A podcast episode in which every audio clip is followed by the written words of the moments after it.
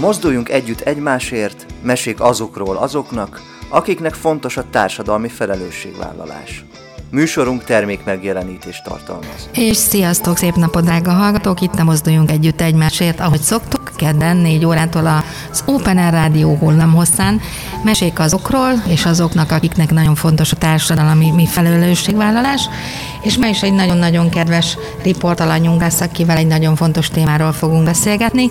Ne felejtsétek el, hogy műsorunk interaktív, úgyhogy várjuk természetesen ma is a kérdéseiteket. És aki esetleg a mai műsorról lemaradna, az ne csüggedjen, mert vasárnap 11 órától ismét meghallgathatnak minket. Szeretettel köszöntöm itt a háttérben mindenképpen műszakos kollégánkat, technikusunkat, Cserkuti Péter, és nagyon nagy szeretettel köszöntöm a mai vendégünket, dr. Gyurkos Szilviát, és egy nagyon-nagyon fontos kérdésről fogunk beszélgetni, egy picit beharangozóban annyit, hogy véletlenek nincsenek, de véletlenül éppen a Spirit Rádióban nem titok, hogy ezt elmondhatom.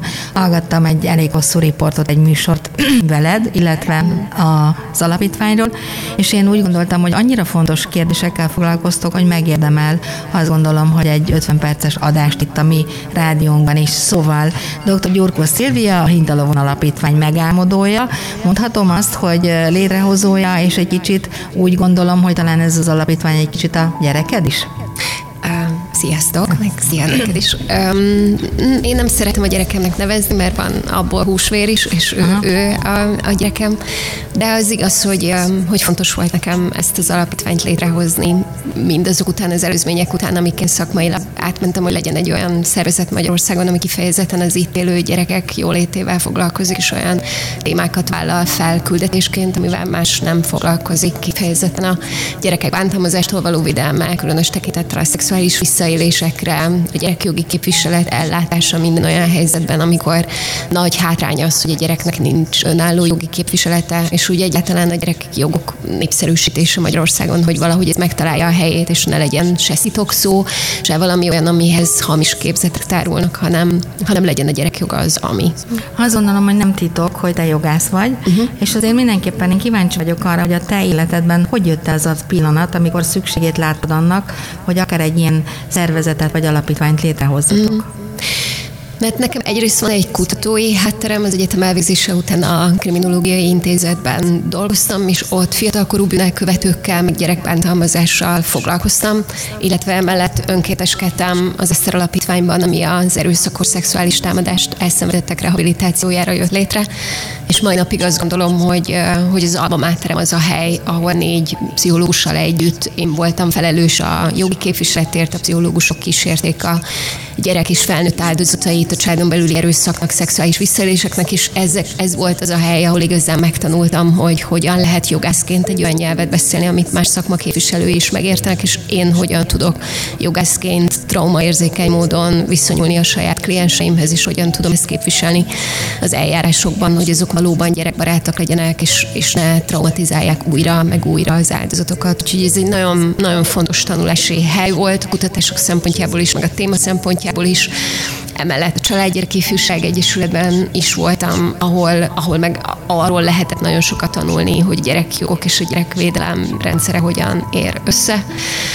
Majd utána jött az UNICEF, ami egy nagyon izgalmas um, tanulópálya volt, főleg azért, mert hogy bele lehetett látni abba, hogy, um, hogy hogy működik egy ilyen globális segélyszervezet, és hogy milyen elképesztő támogatást és nagyon komoly szakmai tudást adnak a Genfi központból a, a kollégák a, a helyi nemzeti bizottságoknak, hogy jól tudják végezni a dolgokat, miközben nekünk az egy nagyon komoly kihívás volt az akkori csapatnak a 2010-es évek elején, hogy elfogadhassuk azt, hogy mi is képesek vagyunk önálló programokat vinni Magyarországon, és, és valahol ott, ott érkezett meg hozzám az a gondolat, hogy nagyon sajnálom a világon azokat a gyerekeket, akik nehéz sorsúak, de hogy az én elsődleges felelősségem a magyarországi gyerekekért van, és hogy, hogy nagyon szeretnék egy olyan alapítványt, ami ezt csinálja. Akkor nyilvánvaló, hogy te a munkád során beleláttál ebbe, hogy mennyire esetleg magukra vannak hagyva azok mm. a gyerekek, akiket ilyen atrocitás ér. És itt, ahogy mesélted, nyilván ez egy komoly szakmai kihívás is, de azt gondolom, hogy egy nagy szív és lélek is, ugye? Mm, az biztos, hogy olyan területen dolgozni, ahol a, ahol a sikert nagyon fontos úgy keretezni, hogy az ember meglássa az apró pici eredményeket is, és nagyon fontos az, hogy egy adott ügyben a gyereken tartsuk a fókuszt, ebben mindig fogok tudni segíteni a szakembereknek, hogy, hogy hogyan képesek a gyerekre figyelni egy eljárásban, és már ezt önmagában tekinthetem sikernek. De én azért azt is látom, hogy nem csak a gyerekek, meg a családok vannak magukra hagyva ezben az ügyekben, hanem nagyon sokszor a szakemberek is, és hogy nem azért viselkednek úgy egy, egy eljárásban, mert kárt akarnak okozni, vagy rossz, rossz, rosszat akarnak tenni a gyerekkel, hanem egész egyszerűen azért, mert mert vagy nem tudják, hogy mit kellene csinálniuk, vagy fel sem ismerik, hogy nekik a dolguk lenne, vagy pedig rossz döntéseket hoznak, mert nincsen segítségük abban, hogy hogyan tudnának jó döntéseket hozni. Tehát ez egy vesztes-vesztes-vesztes játszma nagyon sok szempontból. Az emberek egymást hibáztatják, a szakemberek a családot, a család gyereket, gyerek a, szülőt, és hogy ez ilyen mexikói felállás, ahol mindenki fogja a fegyvert a másik fejhez, és ebből kellene valahogy, valahogy kilépni. Én ebben találtam saját utakat, hogy mit lehet csinálni azon, hogy az ember ember a kardjába dől, és azt mondja, hogy ebből sose lesz meg semmi. Apró pici sikereket meg lehet, meg lehet látni, és az fontos, hogy az ember gondoskodjon a saját jól létéről, mert különben nagyon könnyen ki lehet égni, meg el lehet fáradni egy ilyen, egy ilyen munkaterületen. 2015-ben hoztátok létre az alapítót, uh-huh. ha jól tudom. Hányan voltak az alapító tagok közül, és egy picit messz, uh-huh. mesélj arról is, hogy szakmailag hogy állt fel a csapat. Aha. Hiszen azt gondolom, hogy az az a fajta elköteleződés, amikor az ember egy ilyen szakmai szakmai, de ugyanakkor egy kicsit a társadalmi felelősség fontosságát is mérlegelve mm. hoz létre egy ilyen alapítványt, azért jó, ha olyanok dolgoznak együtt, akik csapatban is tudnak dolgozni. Hát csak, olyan, csak olyanok. Ez, hát, hogy nem elég a szakmai név, nem, hanem hogy ha hozzá nem, nem tudod igazándiból az utat, meg nincs kémia, mm. akkor gondolom, picit erről is mesélj nekünk. Abszolút. Hát az, az alapítvány mm, misszióját valahogy úgy lehet megfogalmazni, hogy egy gyereken segíteni, meg a magyar társadalom gyerekekkel kapcsolatos hozzáállásán változtatni ugyanolyan fontos. És én ezt őszintén hiszem, hogy az egy és a sok az, az egyforma ebből a szempontból. Ezért van az alapítványnak egy gyerekjogi központja, ahol egyedi ügyekben segítünk a hozzánk forduló gyerekeknek, nagyszülőknek, családoknak, és, és ezért vannak olyan advocacy, gyerekjogi programjaink, amik egyébként kampányokat is magukban tartanak, kutatásokat, jelentéseket, például az éves gyerekjogi jelentés, ami meg egy egész szakmát, vagy a társadalmat próbálja meg érzékenyíteni bizonyos témák iránt, mondjuk a családjukon kívül élő gyerekek helyzete iránt, vagy a bántalmazott gyerekek helyzete iránt, vagy a szexuális erőszak áldozatává vált gyerekek hiányzó rehabilitációs lehetőségei iránt. Tehát, hogy fontos témák, amik láthatatlanok az emberek többsége számára, és ezeken a területeken kifejezetten az fontos, hogy ezt megmutassuk. Úgyhogy az alapítvány, amikor indult 2015-ben, akkor voltunk hatan az asztal körül, most, most több mint 20 vagyunk az alapítványban, és, és nagyon sok önkéntes van körülöttünk, kb. 70 önkéntesünk van, gyerekek és felnőttek egyaránt, mert hogy az alapítványnak nem csak gyerekjogi programja van, tehát a képviseleti programja, hanem van egy gyerekrészvételi programunk, mert hogy azt gondoljuk, hogy hát hogy semmit róluk nélkülük, és hogy anélkül, hogy az alapítványban bent, mint munkatársak dolgoznának gyerekek, nagyon kevés leszünk hitelesek, amikor azt mhm. mondjuk, hogy mi a gyerekek érdekeit képviseljük, az tök jó, én vagyok 45 éves, még emlékszem, milyen volt gyereknek lenni, meg az jó, mert mind voltunk gyerekek, de hogy azért a mai generáció az nem pontosan ugyanaz, mint ami volt a 70-es évek végén, amikor én születtem és nagyon fontos ezek, ezt a szemléletet bent tartani. Ma már nem igazán tartunk tréningeket, képzéseket, konferenciákat gyerek részvétel nélkül, tehát mindegyikben a gyerekjogi követeink ott vannak valamilyen formában, mert hogy szerintem egyrészt ennek alapnak kéne lenni, nem pedig extra. Másrészt meg ők igenis kompetensek a saját ügyeikben, és nem várható el, hogy a gyerekek olyan tudatos, ilyen citoyenként, olyan tudatos állampolgárként mhm. képviseljék magukat felnőttként, egész gyerekkorukban nem volt tapasztalatuk arról, hogy számít a véleményük, hogy fontos, hogy mit gondolnak. A kritikai gondolkodású fejlesztve lenne, hogy rátanuljanak arra, hogy mit jelent felelősséget vállalni magukért, másikért. Szóval szerintem ez egy fontos út. Ezen kívül az alapítványnak van egy nemecsek programja, talán a legtöbb hallgató ezt ismerheti, a nemecsek sportprogramot, meg a nemecsek programot, ami intézményeknek segít abban, hogy gyerekvédelmi irányelvük legyen, mert hogy azt az európai vagy nyugat-európai standardet, hogy nem lehet olyan intézmény, ahol gyerek van, ahol ne lenne gyerekvédelmi irányelv, tehát egy olyan protokoll és egy olyan eljárásrend, ami arra fókuszál, hogyan lehet megelőzni a gyerekbántalmazásokat, illetve azt rögzíti, hogy hogyan kell kezelni a gyerekbántalmazásokat. Mert hogy izgalmas módon Magyarországon működhetnek úgy iskolák, az iskolák 99%-a úgy működik, hogy nincsenek ezek az eljárások rögzítve. Nem pontosan tudják a tanárok, hogy akkor most mit csináljak egy, egy bullying esetben, egy iskolai erőszak esetben, vagy mit csinálják akkor, hogyha, hogyha a, a, a szülők egymásnak esnek, vagy egy szülő a tanárnak. Tehát van valami fajta logikájuk, ami egy büntetőjogi, és azt nézik, hogy, hogy el lehet-e kezdeni feljelenteni valakit, de hát a gyerekek nagy része az iskolában, főleg általános iskolában nem büntethető korú, plusz nem is ennek kéne lenni az eljárásnak. Tehát, hogy eb, ezen a területen a Nemecsek sokat tesz, és sok intézménnyel működik együtt. Ugye a Nemecsek sportprogram az meg hát nevéből adódóan a sport szervezeteknek segít abban, hogy azok a gyerekek, akikkel ők kapcsolatban legyen, vannak, biztonságos körülmények között tudjanak sportolni. Mennyire volt kemény a munka, vagy nehéz az az út, mire eljutottatok idáig, hiszen volt hat lelkes ember, kitaláltátok azt, hogy mi legyen a koncepció, mi legyen a célkitűzés, de hát azért gondolom azért nem kis munka volt. 22-t írunk, mm. hogy most már azt gondolom, hogy egy nagyon népes létszámú mm. sikertörténet áll a hátatok mögött. Hát a,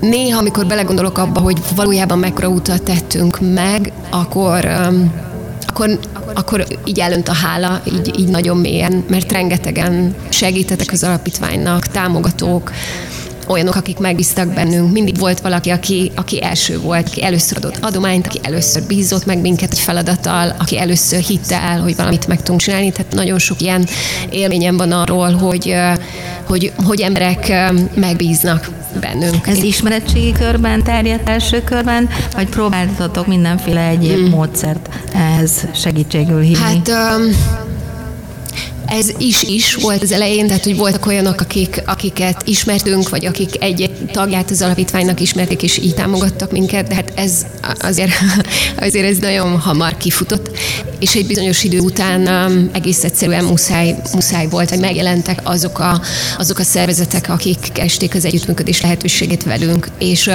a kezdetektől fogva hittem abban, hogy ha, ha szakmailag jó munkát végzünk, akkor az, akkor az igazolni fog minket, és hogyha mindig úgy dolgozunk, hogy, hogy beleállunk a történetekbe, hogy azt, azt tesszük, amit vállalunk, és a lehető legmagasabb szakmai minőséget produkáljuk, akkor ez meg, akkor ezek egyszerűen meg. Tehát, hogy nincs az az út, hogy ez ne legyen sikeres, mert hiszünk benne, jó, amit csinálunk, és innentől kezdve már csak csinálni kell. És hát piszok sok munka van benne, de ma már azt gondolom, hogy amit a harmadik évben mondtak nekünk, hogy az lenne a cél, hogy az ötödik év végére valamilyen módon véleményvezérekké váljunk, tehát gyerekjogi kérdésben az első három között legyünk, ezt sikerült hoznunk. Tehát, hogy ma a Hintalovon Alapítvány az, az ott van a minisztériumi gyerekjogi munkacsoportokban, családjogi munkacsoportokban, ott van nemzetközi szervezetekben, mi képviselünk nagy globális szervezeteket Magyarországon, mint például az ECPAT, ami a legnagyobb gyerekekkel szembeni szexuális visszaélések megelőzésével foglalkozó szervezet, de mi képviseljünk Magyarországon a Keeping Children safe ami a gyerekek biztonságával foglalkozik, tehát hogy,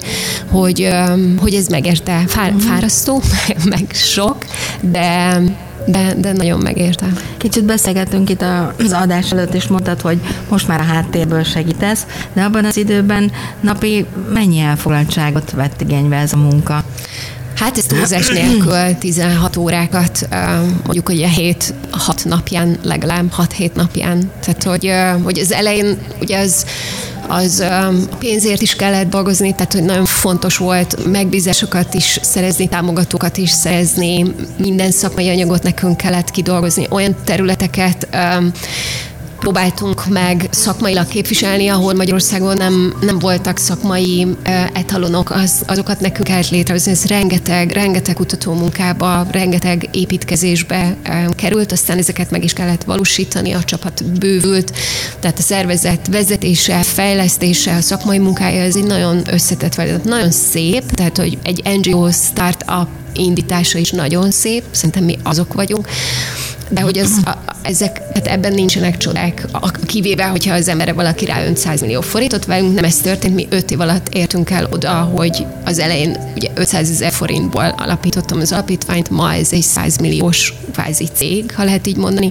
munkavállalókkal, szerződésekkel, um, mi, mindenféle olyan projekttel, ami, amivel nem csak magunkat képviseljük sokszor, hanem az országot is, tehát például az Európa Tanácsban a gyerek részvétel területén az alapítvány az, aki konzulensként részt vesz. Szerintem ez, szerintem ez egy büszkeség az országnak. Uh-huh.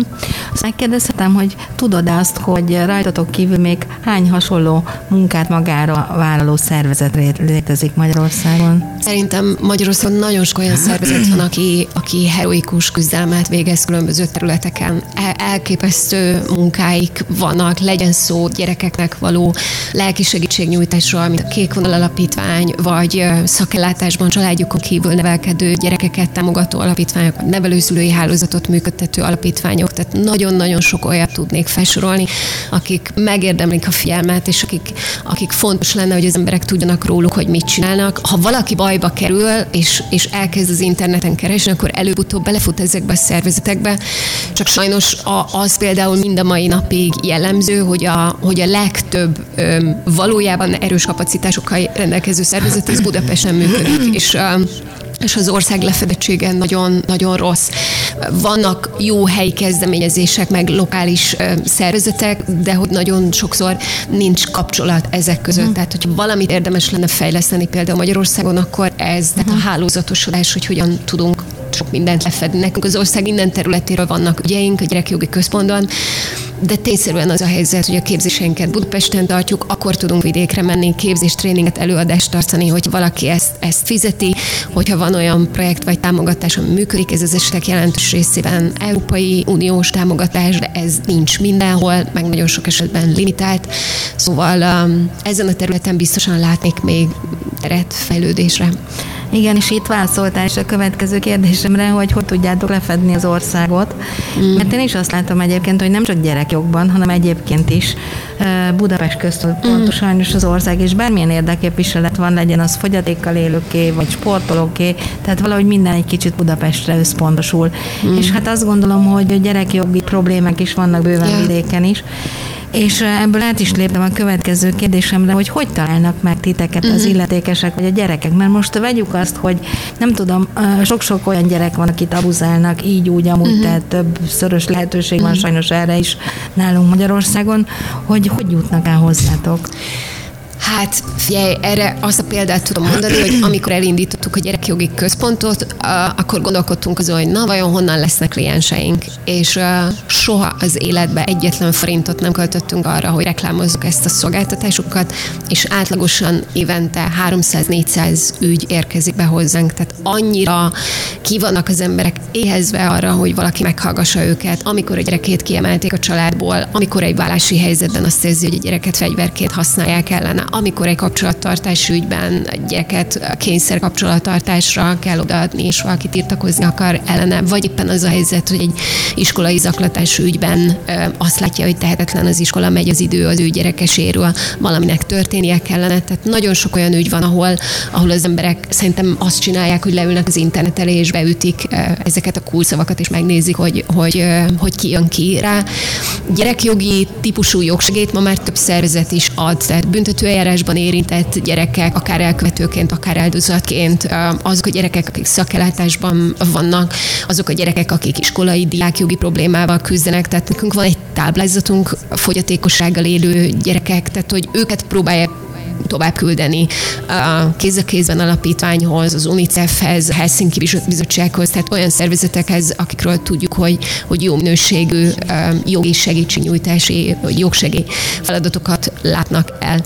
Nálunk nem az a kérdés, hogy kitalál meg minket, az a kérdés, hogy hogyan tudjuk ellátni. Nagyon sokáig várólistával dolgoztunk, uh-huh. és, egy, és most van az a pont, amikor nagyon komoly döntéseket kell hozni, hogy vajon azzal segítünk el, hogy a, a 175. ügyet is felvesszük, amiben megpróbáljuk beadvány szerkesztési kapcsolatban valahogy elsegíteni az ügyet, vagy, vagy pedig időt szánunk arra, hogy a szakmai tapasztalatainkat összegyűjtsük, és azt átadjuk, hogy most ez a gondolkozás zajlik, hogy mit tudunk csinálni. Az elmúlt években volt egy, egy innovációnk, a, létrehoztunk egy csetet, egy olyan mesterséges intelligencia alapú programot, ami, aminek az alapja egyébként más felületeken is működik. Tehát Aha. aki mondjuk egy banknak az oldalára felmegy, vagy egy bevásárlóközpont oldalára felmegy, ugyanaz a, a cég működteti sok esetben ezeket a felületeket, aki a MiChat programokat, tehát ez egy nagyon profi, technikailag nagyon profi felület, amit mi gyerekjogi kérdésekre tanítottunk meg, ugye a mesterséges intelligenciát is tanítani kell, és ez egy olyan felület, ahol gyerekek is, tehát vannak gyereknyelvű, tehát gyerekeknek lehetőségük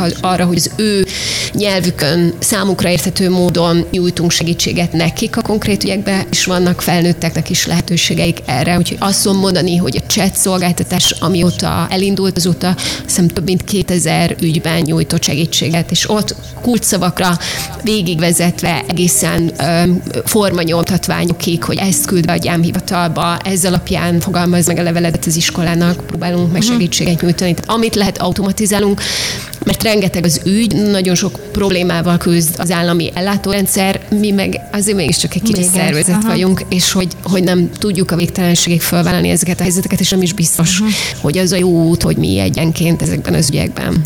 Ha jól gondolom, akkor nullától 18 éves korig a, a gyerek, igen. A gyerek, tehát hogy nullától 18 így, éves korig. Így. Akkor gondolom, hogy így. már a nagyobb direkt keresnek meg benneteket.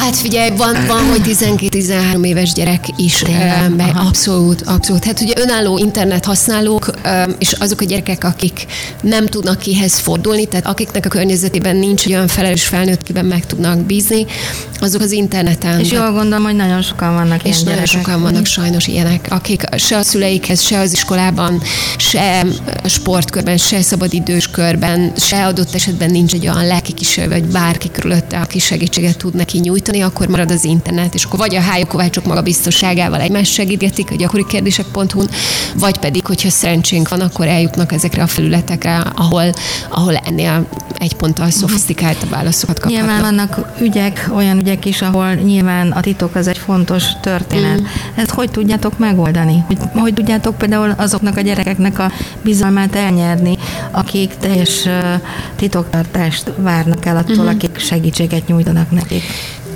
Ez az egész gyerekvédelmi szakmának egy nagyon fontos kihívás, hogy azokban a helyzetekben, amikor a gyerek elárulja, hogy mi történik veled, azt kéri, hogy ezt nem mondd el senkinek, mert mert így tud ezt elmondani, és ez egy bizalmi kérdés, hogy ezekben a helyzetekben mit tudunk csinálni. Nagyon sokat kutatunk utána, hogy milyen jó nemzetközi gyakorlatok vannak, amik működnek is, tehát milyen válaszokat tudunk adni, mert ezt a kérdést nekünk nagyon sokszor felteszik gyerek jóléti szolgálatoknál dolgozó szakemberek, iskolai szociális segítők, hogy na most mit csináljak, mert nem mondhatom el senkinek, elmondom hát mindenkinek, most akkor mit teszek kockára a bizalmi kapcsolatot a gyerekkel, vagy pedig azt, hogy nem segítek. És mi ezekben a helyzetekben a, a hollandok által kidolgozott úgynevezett titokdoktor protokollt követjük, ami azt jelenti, hogy, hogy a gyerekkel minden esetben úgy beszélgetünk, hogy számára az tiszta legyen, hogyha olyat mond el nekünk, amivel kapcsolatban nekünk lépnünk kell, vagy jelzési kötelezettségünk van, akkor ezt meg kell tennünk.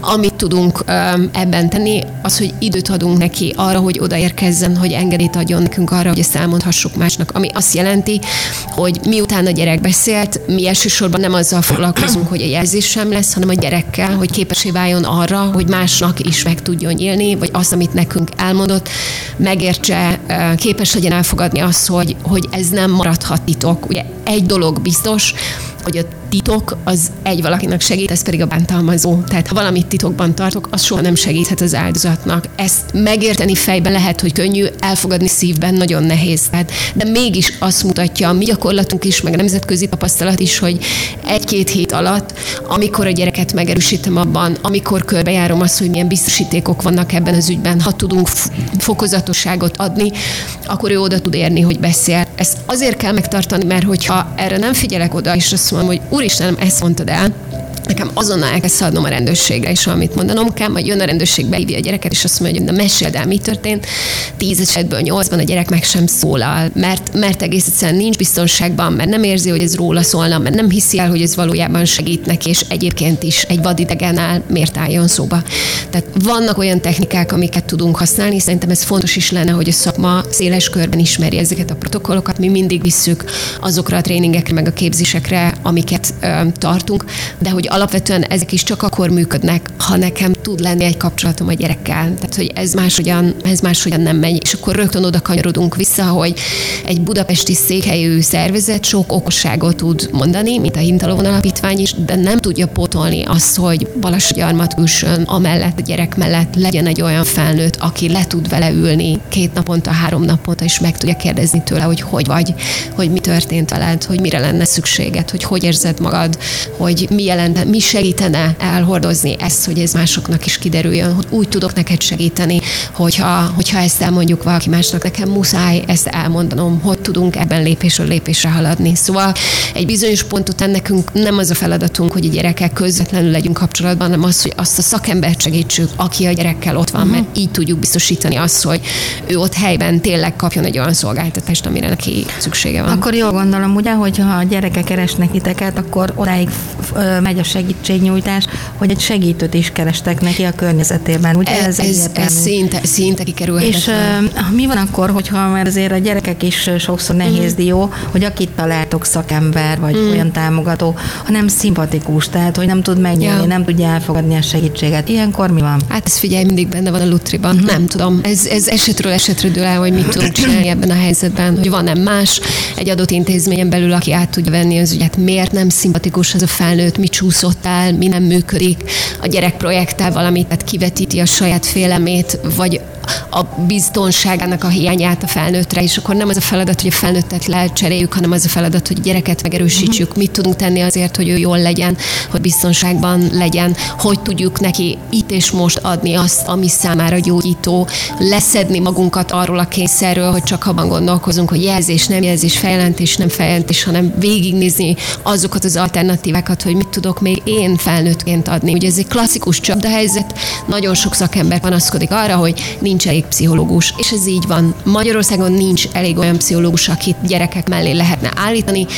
Gyerekek nagyon sok esetben küzdenek mentálhigién és lelki érzelmi problémákkal, nem tudom őt pszichológushoz küldeni, pont de attól még nem igaz, hogy semmit nem tudok csinálni, mert én jogászként is, ha, ha képes vagyok arra, hogy itt és most egy olyan kapcsolatban legyek a gyerekkel, ami gyógyító attól, hogy figyelek rá, attól, hogy nem okozok neki kényszert, hogy engedélyt kérek bármire, ami történik, hogy ott van bennem a, az a fajta hallgatás, uh-huh. amiben mögött ott van a kíváncsiság, hogy a gyerek azt érzi, hogy fontos, akkor én lehet, hogy nem vagyok pszichológus, de az a kapcsolat, amiben én vagyok a gyerekkel, az egy gyógyító kapcsolat, és hozzásegíteti őt ahhoz, hogy adott esetben egy másik felnőttben is megbízom, mert volt legalább egy felnőtt már, aki őt nem cseszte át, miközben lehet, hogy korábban csak arról volt tapasztalata, hogy a felnőttekben nem lehet megbízni, mert, mert nem figyelnek rám, mert nem vagyok fontos, mert olyat tesznek, amihez én nem járultam hozzá. Tehát azt megérteni, meg tudni, hogy lehet, hogy nincs minden esetre szakember, de én tudok lenni egy olyan ember, egy olyan felnőtt, akire a gyereknek itt és most szüksége van. És ezt nem lehet eléggé hangsúlyozni. Nagyon, nagyon kevés mhm. felelős felnőtt van a gyerekek körül, akár szomszédok is lehetnek ilyenek, edzők is lehetnek ilyenek, könyvtárosok az iskolában, menzes nénik, takarítók. Tehát, hogy ha a gyerekekkel beszélünk, sokszor mondják el azt, hogy ki az a felnőtt, akihez úgy tudtak kapcsolatni, hogy az jó volt. És ez egy klasszikus mantránk az alapítványban, hogy kapcsolatokban sérülünk, és kapcsolatokban gyógyulunk, és hogy a gyerekeknek ezekre a gyógyító kapcsolatokra nagyon nagy szükségük van. Innét folytatjuk, hiszen pont a műsorod, műsoridőnk felénél járunk, úgyhogy hallgassunk egy kis zenét.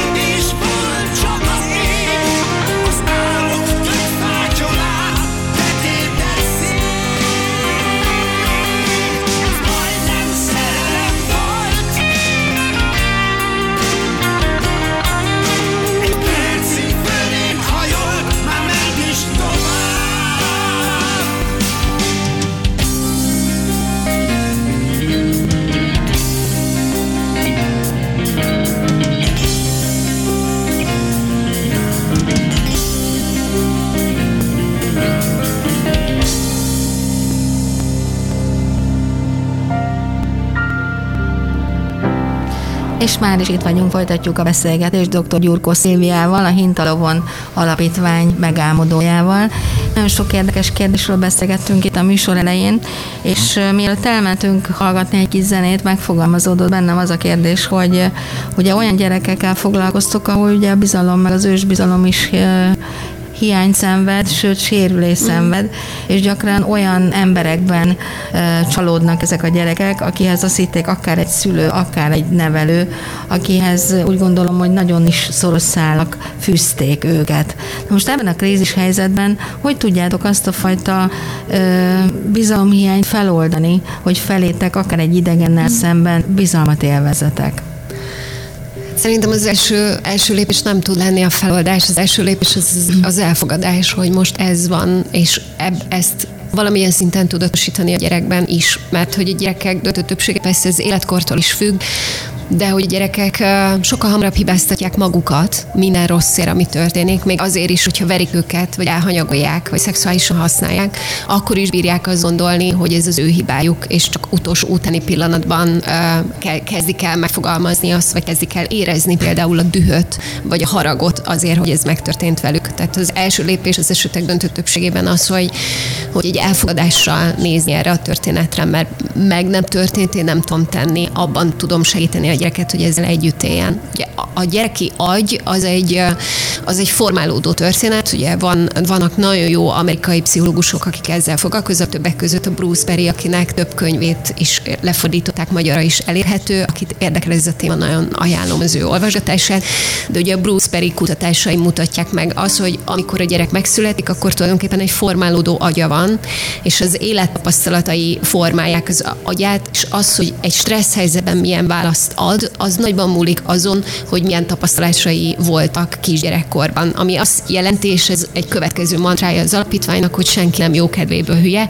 Tehát amikor azt látom, hogy egy gyerek úgy viselkedik, ahogy, ahogy nem oké, okay, hogy viselkedik, akkor ahelyett, hogy azt mondanám, hogy ez a gyerek egy, egy, egy ördögfióka, vagy, vagy nem tudom, javíthatatlan rossz, ahelyett azt kéne feltenni, hogy mi történt, hogy mi történt vele, hogy miért ez a stressz válasza, hogyha éri valami feszkó, akkor, akkor azonnal robban, hogy, hogy arra a kérdésre, hogy mi történt, azt mondja, hogy a másik úgy nézett rám, hogy nekem ütnöm kellett, és hogy, hogy a gyerekeknek ez egy teljesen normális stressz válasz, mert az, amin keresztül mentek, úgy formálta az agyukat, hogy számukra az a biztonságos, hogyha ha valaki úgy néz rájuk, akkor először ők lépjenek fel agresszívan, mert ha nem így tesznek, akkor a végén végén rosszul járnak. Tehát ezt felfogni, hogy, eh, hogy egy gyerek adott helyzetben adott stressz válasza, vagy az, hogy ő hogyan reagál egy történetben, az nagyon erősen kondicionált a gyerekkori tapasztalásaikkal. A Bruce Perry azt mondja, hogy választani lehet a között, hogy az élete első pár hónapjában egy gyerekkel minden rendben van, majd később jönnek a drámák, vagy a között, hogy,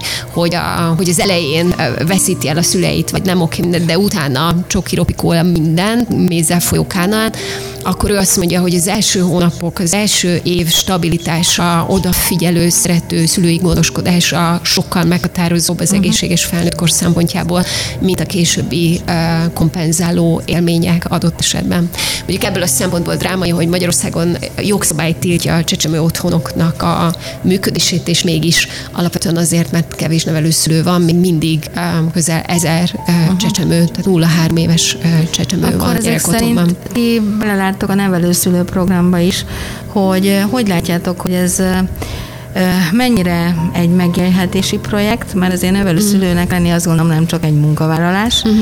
hogy mennyire van bennük az elhivatottság. Mert a saját élményemet mondom el egyébként egy apró pici dolog, hogy nagyon régen, évekkel ezelőtt szereztünk egy roma származású támogatottunknak nevelőszülőt, ő belelépett a nevelőszülő programba akkor először, és azt uh-huh. vettük észre, hogy mire már öt gyerek lett nála, így folyamatosan orgonasípszerűen, ez a fajta lelkes elköteleződés, amit, amivel az első gyerek iránt érzett, meg a munkája iránt érzett, ez nagyon megváltozott. És hogy hol van a szerep mm. attól, hogy mondjuk a kényszer benne hagyja a rendszerben a nevelőszülőt, mert kevesen vannak, vagy esetleg megválnak tőle, nem tudom. Szerintem az, az tagadhatatlan tény, hogy vannak olyan régiói az országnak, főleg ahol magas a munkanélküliség, ahol tud lenni, ez egy, ez egy foglalkoztatási kérdés is, vagy az, hogy egy munkanélküliségből való kimenekülés, vagy egy megélhetési projekt is.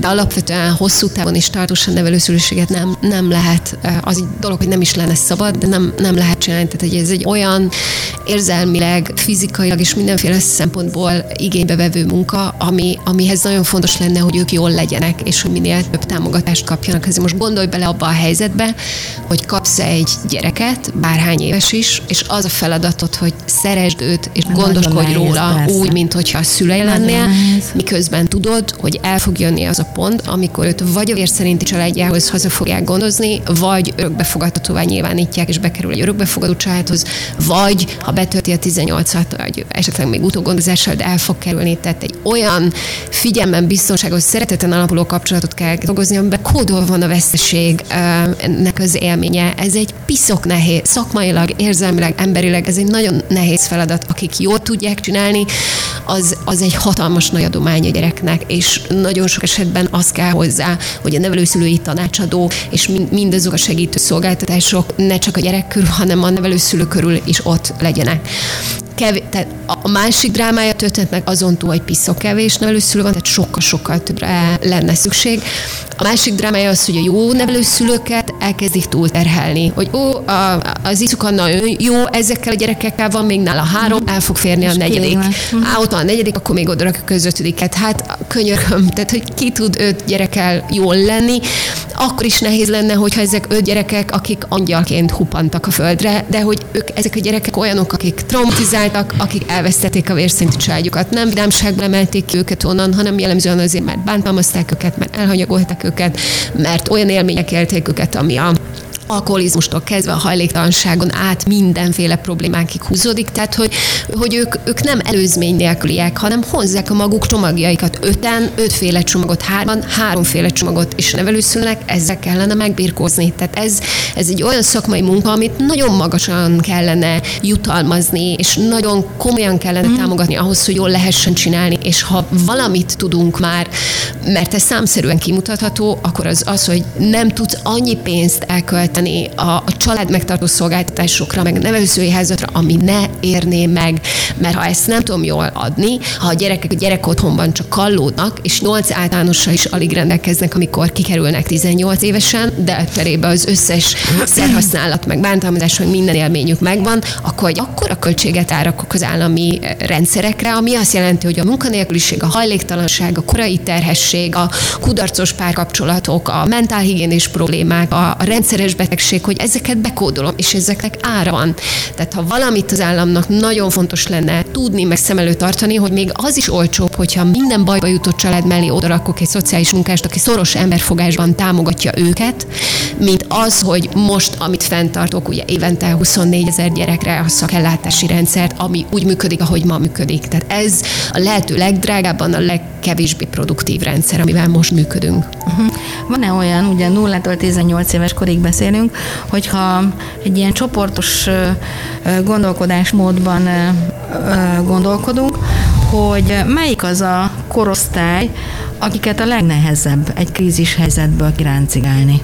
Vagy van-e ilyen? Vagy csináltatok esetleg ilyen vizsgálatot, hogy a serdülőkor, a kisiskoláskor, vagy a, a felső tagozatos osztály, vagy a pici gyerekkor? Ja.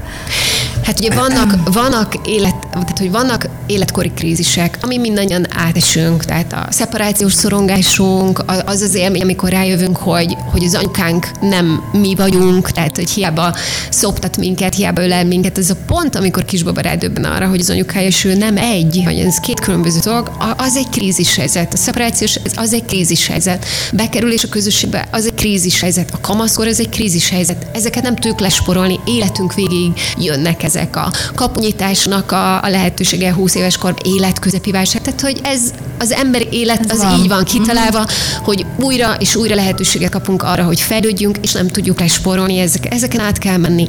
Az, hogyha egy gyereknek a, a traumája egybeesik az életkori krízise, azok, azok mindig nagyobbat tudnak ütni. Tehát, hogy az, hogy ma Magyarországon a legtöbb gyerek kis-kamasz korban kerül ki a családjából, mert addig tologatják, meg hátha, meg valami, meg esetleg történik, meg nem hatékony a segítség, meg nem működik együtt a család, meg nem tudom én csoda, hogy pont ebben az életkorban nevelik ki őket, ez, ez egy nagyon veszélyes történet. És azt mutatják az adatok, hogy innentől kezdve nehezen motiválhatóak a gyerekek, nagyon gyakran kimaradnak az iskolából, vagy kudarcosak az iskolai tapasztalataik, még akkor is, hogyha egyébként bírnák az iskolát, tehát semmiféle intellektuális problémáik nincsen, az érdeklődésüket fenntartani nagyon nehéz, a kortársak befolyása sokkal erősebb, mint a felnőtteknek a befolyása a kortársak között, a különböző devianciák megjelennek, az lesz az igazodási pont.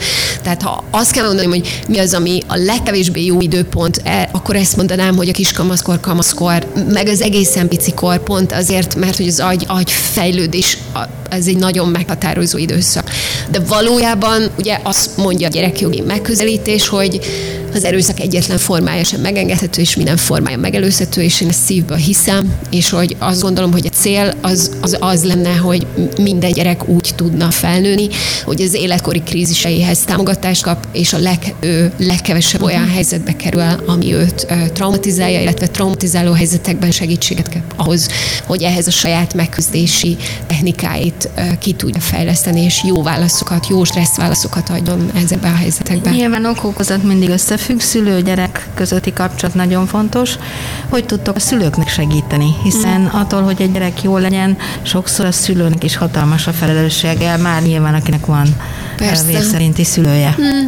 Ez, ez, is, ez is nagyon sokféle. Igazából azt tudom mondani, hogy, hogy nincs egy út, hogy hogyan lehet jól segíteni a, a szülőket. A legfontosabb az az, hogy, hogy ne nekem legyenek elképzeléseim arra, hogy neki hogyan kellene működnie, hanem legyek kíváncsi arra, hogy ő miben van, ő mit lát, hogy neki mire lenne szüksége, miben kér támogatást, és ehhez képest én mit tudok neki oda tenni, ami, ami őt segíti és támogatja. Ez az a terület, ahol a legkisebb mozdulásra is nagyon hálásan reagál az uh-huh. ember. Tehát, hogy, hogy bármiféle nyitottság, vagy, vagy annak a megérkezése, hogy a gyerekemnek mire van szüksége uh-huh. tőlem, nagyon sok esetben ez a feladatunk. Egy picit tükröt mutatni arra, hogy figyelj, ahogy most te működsz, tehát, hogy te mondjuk a, a volt házastársad a egymás torkát harapjátok át, mert nem működtök szülőtársként, ha ez így marad, e, ebben a gyerek sérülni uh-huh. fog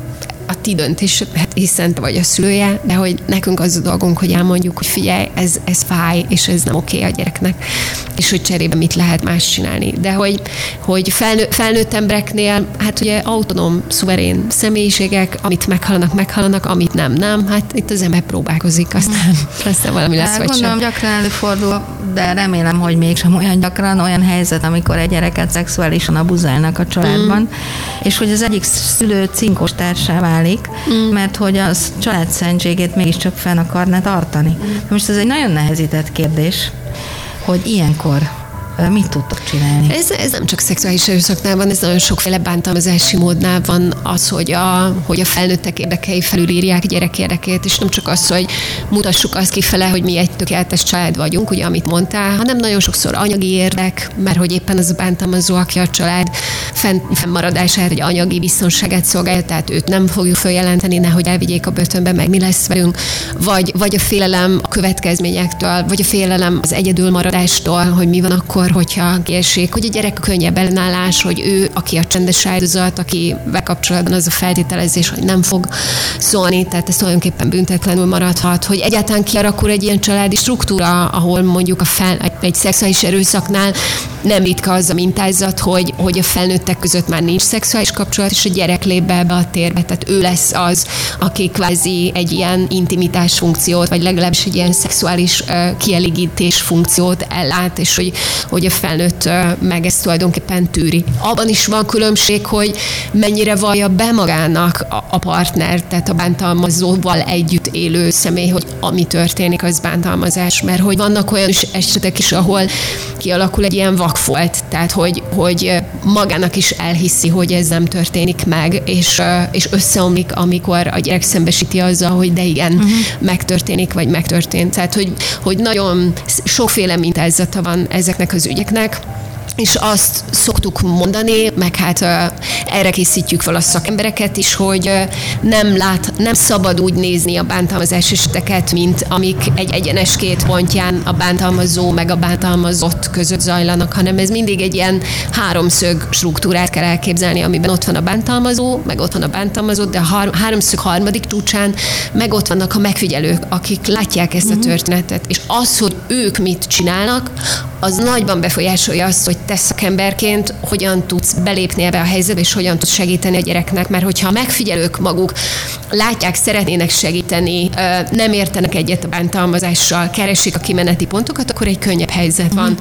Hogyha azt látjuk, hogy a a megfigyelők a, arra húzzák el ezt a háromszöget, hogy inkább hallgassunk, inkább rejtsünk el, nem csinálunk semmit, vagy éppen, hogy a bántalmazót segítjük, akkor szinte lehetetlen kívülről beavatkozni. Akkor nagyon sok esetben csak akkor derül ki a bántalmazás, amikor a gyerek felnőtt, vagy még utána évekkel, évtizedekkel, hogy mi történik. Nekem volt egy ilyen ügyem, ahol a, a gyereket a nevelőapa használta szexuálisan, és azt mesélte el a, a rendőrségi valom, a tanúvallomásában a rendőrségen, hogy volt egy olyan eset, amikor a garázsban um, folyt a, a szexuális erőszak, és a nagymama benyitott, látta őket, majd visszalépett, becsukta az ajtót, és elment, és soha többet nem beszéltek erről. Uh-huh. És hogy ezek az élmények azok, amik elhitetik az áldozattal azt, hogy egyedül van, hogy semmit nem tehet, hogy ami történik, az lehet, hogy így normális, lehet, hogy, hogy neki ez a dolga, hogy ezt tűrjön. Tehát am, amíg ő nem tud, vagy, vagy képes egy ilyen műhazan báróként saját magát kijelenteni ebből a helyzetből, vagy nem találkozik valaki olyannal, akiben meg tud bízni, elmeséli neki ezt a történetet, és ő a jó módon válaszol, ami őt erősíti mm. meg, és, és tényleg képes elhinni azt, hogy, hogy az erőszak az mindig a bántalmazónak a hibája, hogy nincs olyan, hogy ő úgy viselkedjen, ami a másikat feljogosítsa arra, ami történik. Nagyon sok esetben másként nem történik semmi. Tehát a gyerekekkel szembeni szexuális erőszaknak a döntő többsége, de brutálisan döntő többsége soha nem derül ki. Uh-huh. Mert egész egyszerűen olyan zárt struktúrákban történik, amiből a gyereknek nincs se esélye, se lehetősége, sem módja arra, hogy, hogy kilépjen, hogy segítséget kérjen, hogy egyetem beszéljen arról, vagy ha megpróbál beszélni, akkor lehet, hogy lenyomják. Ne hazudj, ne találj ki ilyen történeteket, miért mondod róla olyan rendes ember. Tehát, hogy megnehezítjük jól az ő dolgukat. Nem tudom, hogy végeztetek olyan kutatómunkát, hogy a gyerekek eh, hány százaléka, Magyarországon élő gyerekek hány százaléka ö, szenved valamilyen atrocitásban. Hát erre van hivatalos adat, ugye a, a statisztikai hivatal adata szerint minden tizedik gyerek veszélyeztetett ma Magyarországon, a, ami, ami tulajdonképpen egy gyerekvédelmi statisztikára, meg egy kriminális statisztikára alapozott adat. Ez ugye azt jelenti, hogy 1,8 millió gyerek él Magyarországon minden tizedik, tehát mondjuk egy 30 fős uh-huh. átlagos osztályban van legalább három gyerek, aki veszélynek van kitéve, vagy fizikai, vagy érzelmi, vagy szexuális, vagy elhanyagolás, vagy kortás bántalmazás, vagy egyéb módon. Melyik a leggyakoribb ö, olyan fajta probléma, amivel küzdenek a gyerekek? Ami közül most felsoroltál néhányat. Hát a legtöbb esetben az érzelmi bántalmazás fordul elő, miközben... Ez a legveszélyesebb is, nem? Hát az azért veszélyes, mert nagyon... Tehát, ért, tehát ha pofon ütnek, akkor tudod, hogy pofon ütöttek. Ha, ha meglázóan, lealacsonyító módon beszélnek veled, de sokkal, sokkal nehezebb azonosítani, hogy ez egy bántalmazó magatartás. A, ma azt mondják a kutatások, hogy a gyerekek 60-70 százaléka átél valami fajta érzelmi bántalmazás gyerekkorában, vagy kortástól, vagy felnőtt, ebbe beletartozik a verbális erőszak, amikor szavakkal bántják őket, de az érzelmi bántalmazásnak az egyéb formái is. Uh-huh. Az Európai Unióban hol vagyunk ezzel a 10%-kal?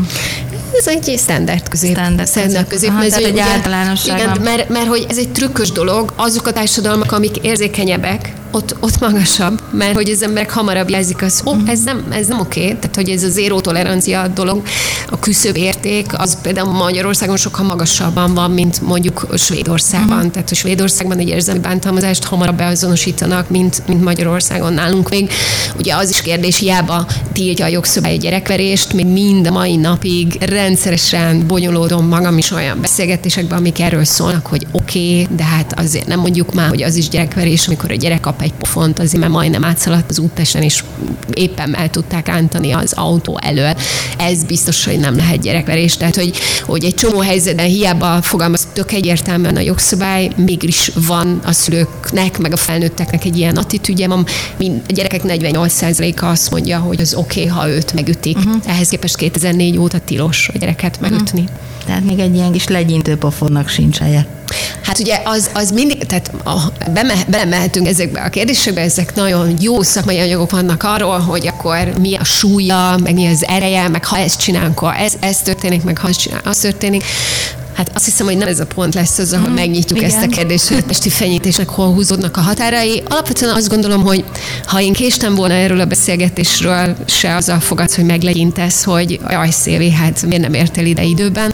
Biztos, hát, ahogy, hát ahogy a felnőttek közötti kapcsolatban sincs rendben, hogy én leveszem a gumipapucsomat és elfeneklem a másikat, vagy leoldom az övemet, és ott legyek, vagy csak meg, meglegyintem. Tehát ahogy egy felnőtt kapcsolatban is érezzük, hogy nem az, az erejétől az ütésnek múlik az, az, hanem hát ugye költővel szólván, hogy, a, hogy az ember teste szentsék, tehát, az, tehát hogy ez egy tetleges becsületsértés uh-huh. lenne, ha te megütöttél volna engem.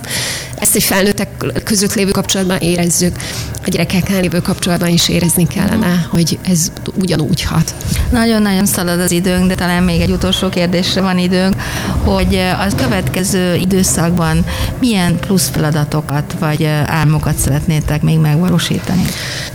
Hát most, most a legfontosabb álmunk az az, hogy stabilabbá váljon az alapítvány működése. A, ugye ez a el, előttünk álló gazdasági recesszió, meg az infláció, meg a hóbebanc, ez azért elsősorban a, a civil szervezetek megélhetését teszi nehézé, és a, az embereknek a megélhetésükre kell fordítaniuk a pénzt, nem pedig adományokra. Úgyhogy aki most hallgatja, és ezt elmondhatom, hogy nagyon hálások vagyunk érte, hogyha a Hintalon Alapítvány bármennyivel is tudják támogatni, akár rendszeresen, akár egyéni adományként. meg, nyugodtan mondd el. Ez a hintalogon.hu weboldalon vannak mindenféle lehetőségek, ugye azért, mert az alapítvány alapvetően egy szakmai szervezet, úgy is lehet támogatni minket, hogy a szakmai anyagainkat valaki letölti, és azt mondja, hogy mondjuk fizetek 500 forintot azért, hogy legyen egy ilyen plakátom otthon, vagy, vagy egy anyagom magamnak, hogy mit mondjak a gyerekemnek a helyet, hogy ne sírj, meg hogy mit kérdeztetek tőle azon túl, hogy mi volt az iskolában. Szóval, hogy ilyen hasznos anyagok letöltéséért is lehet fizetni pénzt, és ezen keresztül is lehet támogatni az alapítványt.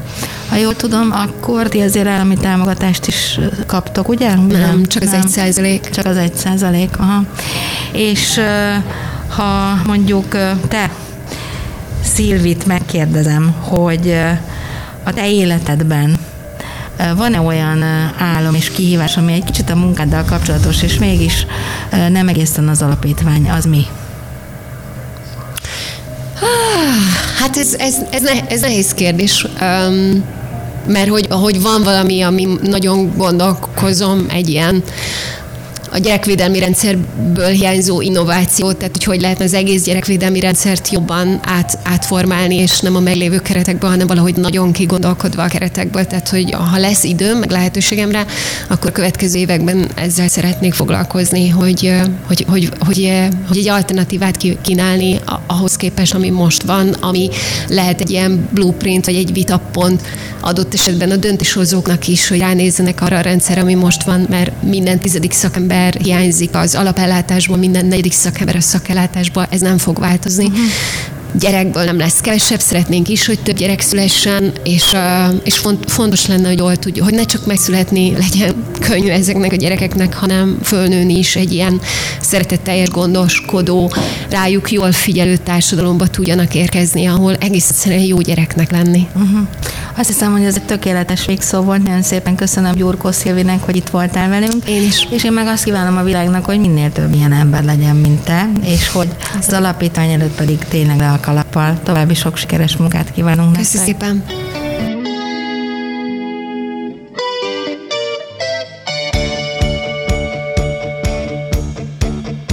A Mozduljunk Együtt Egymásért mesék azokról azoknak, akiknek fontos a társadalmi felelősségvállalás.